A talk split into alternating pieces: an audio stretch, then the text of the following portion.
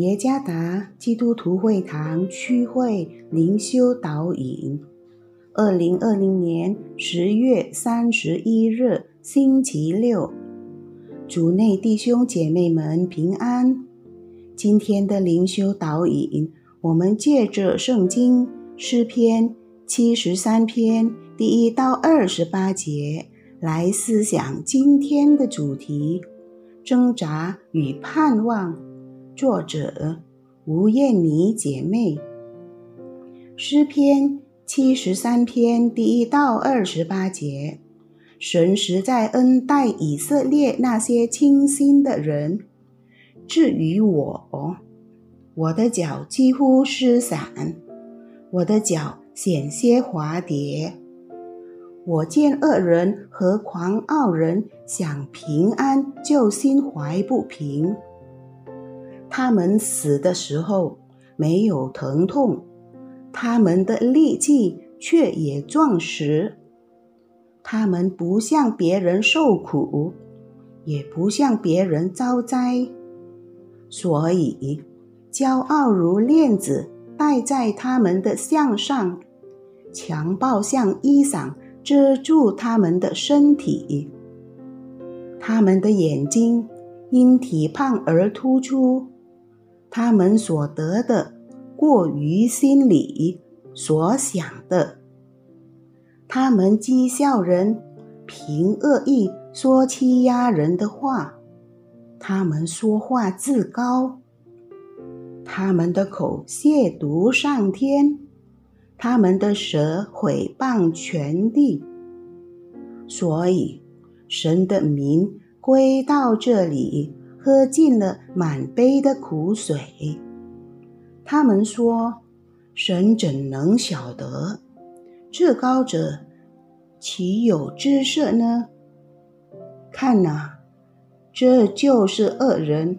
他们既是常享安逸，财宝便加增。我实在突然洁净了我的心，突然洗手，表明无辜。因为我终日遭灾难，每早晨受惩治。我若说我要这样讲，这就是以奸诈待你的粽子。我思索怎能明白这事，眼看时系为难。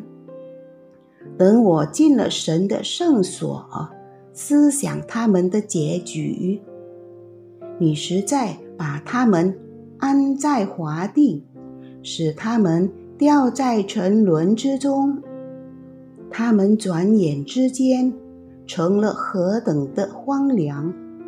他们被惊恐灭尽了。人睡醒了，怎样看梦？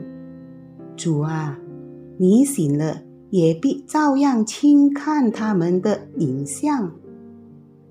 因而，我心里发酸，肺腑被刺。我这样愚昧无知，在你面前如畜类一般。然而，我常与你同在，你搀着我的右手。你要以你的训言引导我，以后必接我到荣耀里。除你以外，在天上我有谁呢？除你以外，在地上我也没有所爱慕的。我的肉体和我的心肠衰残，但神是我心里的力量，又是我的福分，直到永远。远离你的，必要死亡。凡离弃你行邪淫的，你都灭绝了。但我亲近神是与我有益。我以主耶和华为我的避难所，好叫我诉说你一切的作为。有一首非常流行的歌曲，其中说到：“上帝明了。”上帝在乎我们所面临的一切问题，他永远不会让我独自挣扎，因为上帝理解。这首歌使那些在挣扎中的人们得安慰。什么是挣扎呢？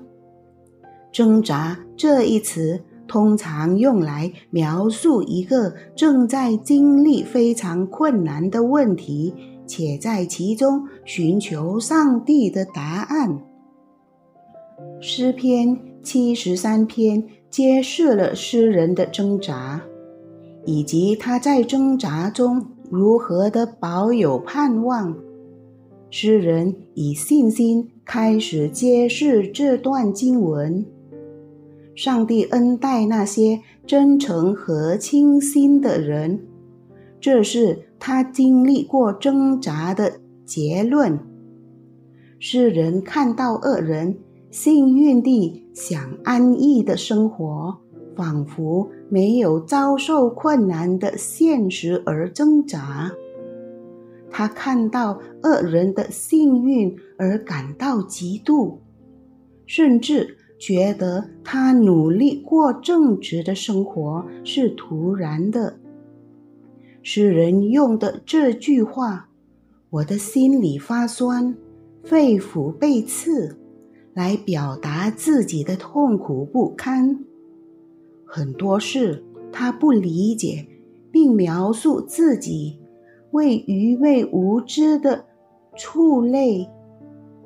然而。在那种非常艰难的情况下，他决心常与上帝亲近。在他的软弱中，诗人感受到上帝的恩惠。你缠着我的右手，你引导我，你接我到荣耀里。因此，他又说：“除你以外，在地上。”我也没有所爱慕的，只要不与上帝分开，一切都可以从他手中夺走而丢失。无论发生任何事情，上帝是我心里的力量，又是我的福分，直到永远。诗篇的最后写道：“我亲近上帝。”是与我有益。我以主耶和华为我的避难所。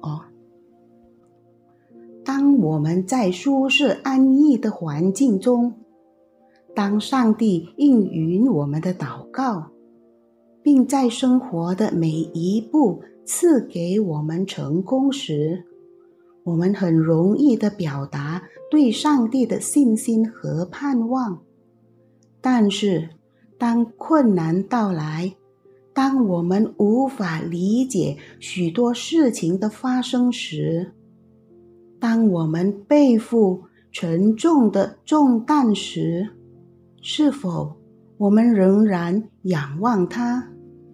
让我们学会只将盼望交托于上帝，爱他，渴慕与他亲密。胜于想要他的祝福，让他成为我们生活中的一切。弟兄姐妹们，当我们亲近他，只将盼望交托于他时，他将赐给我们新的力量。主耶稣赐福。